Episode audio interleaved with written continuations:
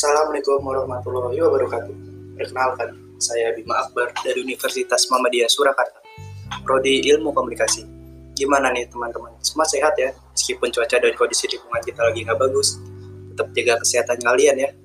Oh iya, tetap stay di rumah aja dan tetap patuhi protokol kesehatan. Oke teman-teman, di segmen kali ini kita akan belajar tentang segmentasi, targeting, positioning, formatting, dan programming penyiaran. Wah, menarik banget nih, khususnya buat teman-teman yang tertarik dengan media penyiaran. Langsung aja yuk.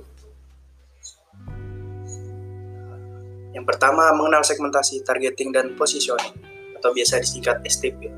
Segmentasi itu hal yang sangat penting dalam pemasaran media loh, teman-teman. Menurut Andreson dan Kotler, menentukan target halayak adalah upaya pemasaran yang baik Semakin banyak halayak yang mengkonsumsi media, semakin mudah juga media tersebut mendapatkan pengiklanan. Jumlah penduduk pada suatu wilayah memang sangat penting mempengaruhi pertumbuhan media massa. Namun potensi pasar halayak yang besar bukan jaminan pengelola media akan menggapai kesuksesan. Dalam mengelola media, tidak bisa hanya didasarkan pada intuisi dan asumsi, namun harus berdasar riset yang kuat terhadap halayak sehingga dapat menentukan mana halayak yang harus disasar. Persaingan media cetak yang semakin ketat membuat segmentasi halayak juga semakin mengerucut, ditambah media yang terbit tak hanya dari dalam negeri, namun juga berupa franchise yang berafiliasi pada media cetak luar negeri yang membuat halayak semakin tersegmentasi. Selain itu, media massa juga harus tetap tanggap terhadap karakter generasi halayak agar tidak tertinggal.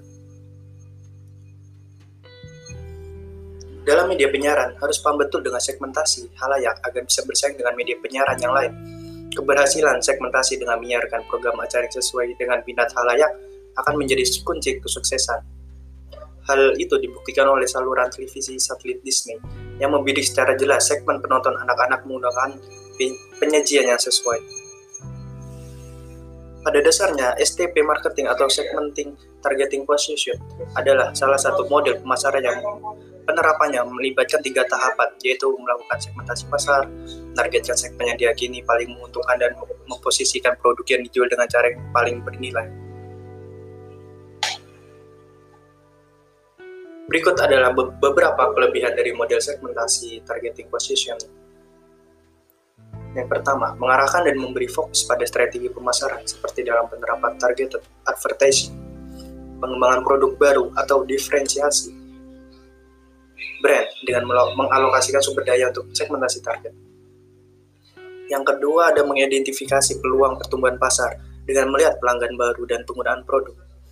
Yang ketiga mencocokkan sumber daya, mencocokkan sumber daya perusahaan yang efektif dan efisien untuk menargetkan segmen pasar yang menjanjikan return on marketing investment yang lebih besar. Yang keempat, ada meningkatkan posisi perusahaan menjadi lebih kompetitif. Lalu bagaimana caranya menerapkan model segmenting, targeting, dan positioning untuk melakukan segmentasi pasar, kita bisa menggunakan pendekatan seperti pendekatan demografis. Pendekatan ini berdasarkan pada atribut pribadi audiens seperti usia, jenis kelamin, pendidikan, pekerjaan, atau status perkawinan. Yang kedua ada pendekatan geografis. Mendasarkan segmentasi pelanggan berdasar negara, wilayah, kota, atau lingkungan tertentu. Ketiga ada psikografis, segmentasi yang didasarkan pada kepribadian, nilai-nilai atau gaya hidup tertentu. Yang keempat, ada pendekatan perilaku. Pendekatan segmen pasar dengan mengelompokkan orang berdasarkan cara mereka menggunakan produk, loyalitas akan produk, atau manfaat yang mereka cari. Sebagai contohnya, pada perkembangannya Jawa Pos kembali melakukan inovasi dan mengalokasikan suplemen yang disebut deteksi. Suplemen yang berisi pal yang berisi polling untuk remaja ini dibuat tentu saja untuk membidik pangsa pasar remaja. Jelas bahwa remaja adalah calon pembaca di masa depan, sehingga perlu untuk dibangun kesadaran mereknya brand. Atau biasa disingkat brand awareness. Melalui rubrik deteksi yang memenuhi kebutuhan remaja, keberhasilan Jawa Pos dalam manajemen yang berkaitan dengan segmentasi ini menjadi contoh menarik bagi kajian media, kajian manajemen media. Keberhasilan rubrik deteksi di Jawa Pos memperlihatkan bahwa usia menjadi aspek penting dalam segmentasi. Ada beberapa pendapat tentang segmentasi berdasarkan usia. Untuk memudahkan, ada dua pendapat yang dipilih, yaitu dari Biro Pusat Statistik atau biasa disingkat BPS sebagai lembaga negara yang mengurusi kependudukan Daniels Danielson dalam kapasitasnya sebagai lembaga survei halayak yang terkemuka. Yang kedua adalah menentukan target atau sasaran atau sasaran targeting. Tahapan kedua dalam model segmenting, segmenting targeting positioning adalah menentukan segmen mana yang akan menjadi target pemasaran. Tahap, tahap targeting dilakukan setelah institusi atau perusahaan media melakukan pengidentifikasian beragam segmen atau sebagaimana yang tersebut di dalamnya. Setelah identifikasi dilakukan, perusahaan melakukan kajian atau segmen tersebut dan kemudian dipilih segmen yang menjadi sasaran. Segmen yang menjadi sasaran inilah yang disebut sebagai targeting. Untuk melakukan langkah ini, kamu harus mampu berpikir secara realistis. Kamu harus mengevaluasi potensi, potensi dan daya tarik dari segi komersial pada masing-masing segmen yang telah dikelompokkan tadi. Dengan begitu, kamu bisa melihat kesesuaian antara sumber daya yang dimiliki dengan target segmen yang dinilai paling potensial membawa keuntungan bagi brand dan perusahaan. Dalam penentuan target, media dapat melakukan beberapa pilihan model targeting. Yang pertama, konsentrasi pada segmen tunggal. Seperti namanya, dalam proses targeting, perusahaan media memilih salah satu segmen halayak. Jika perusahaan media memilih segmen yang tunggal, maka perusahaan media harus memiliki pertimbangan yang kuat karena tingginya risiko kegagalan. Yang kedua adalah spesialisasi secara selektif. Merupakan proses target yang dilakukan oleh perusahaan dengan menyeleksi beberapa segmen. Jika, jika salah satu segmen gagal, perusahaan masih dapat berharap pada segmen lainnya. Yang ketiga ada spesialisasi produk. Spesialisasi target ini dilakukan dengan fokus pada produk tertentu yang sifatnya khusus. Perusahaan melakukan pertimbangan targeting atas dasar membangun reputasi yang kuat di produk yang spesifik.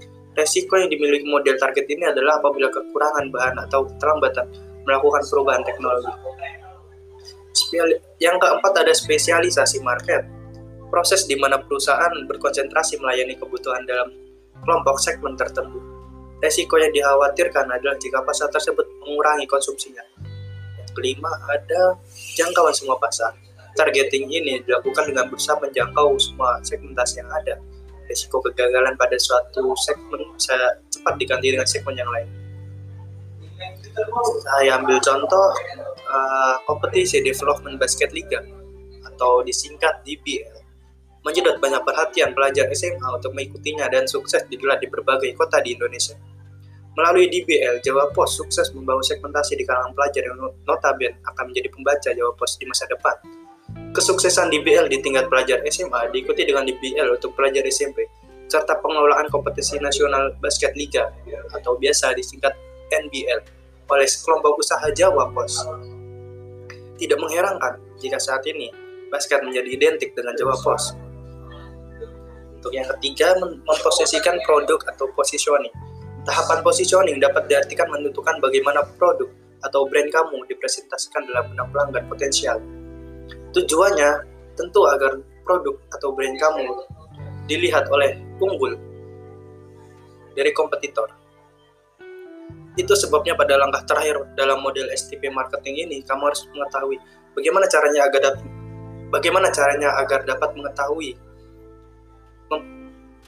dan dapat memposisikan produk kamu untuk target segmen pasar yang paling menarik dan memiliki potensi keuntungan yang lebih besar tadi. Menciptakan perbedaan atas media lain dan sekaligus membangun manfaat media bagi halayak menjadi dua konsep penting dalam positioning media untuk menciptakan perbedaan dengan media lain. Perusahaan media dapat melakukan riset pada merek media yang sudah ada serta merek media yang mau dimungkinkan akan eksis. Beberapa contoh pos, pernyataan positioning sekaligus menjadi tagline dalam periklanan media adalah majalah Tempo dengan membuat tagline enak dibaca dan perlu. RCTI dengan pernyataannya RCTI oke, okay, Kompas TV dengan inspirasi Indonesia. Dan yang keempat ada programming.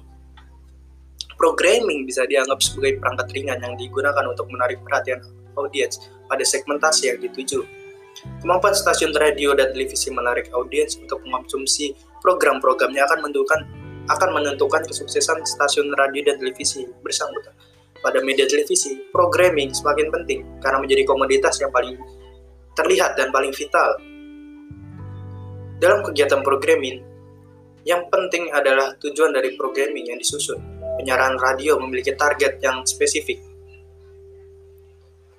Di Indonesia, kita bisa menjumpai radio memiliki segmentasi anak muda seperti Radio Prambors dan kaum eksekutif, dan pebisnis seperti Radio Sinjo Trijaya yang memiliki jaringan radio nasional. Di tingkat lokal, segmentasi radio semakin spesifik, seperti Radio GCD di Jogja yang khusus memutar lagu campur sari dan dangdut. Ada dua tujuan dasar dalam programming radio, yaitu pertama adalah tujuan yang secara khusus bersifat lokal, Tujuan ini juga berkaitan dengan bagaimana radio menjalin interaksi dengan para pendengar di sekitarnya. Tujuan kedua, tujuan kedua programming adalah mood tertentu dari siaran radio. Di radio musik merupakan latar yang dapat mempengaruhi bagaimana aktivitas audiens.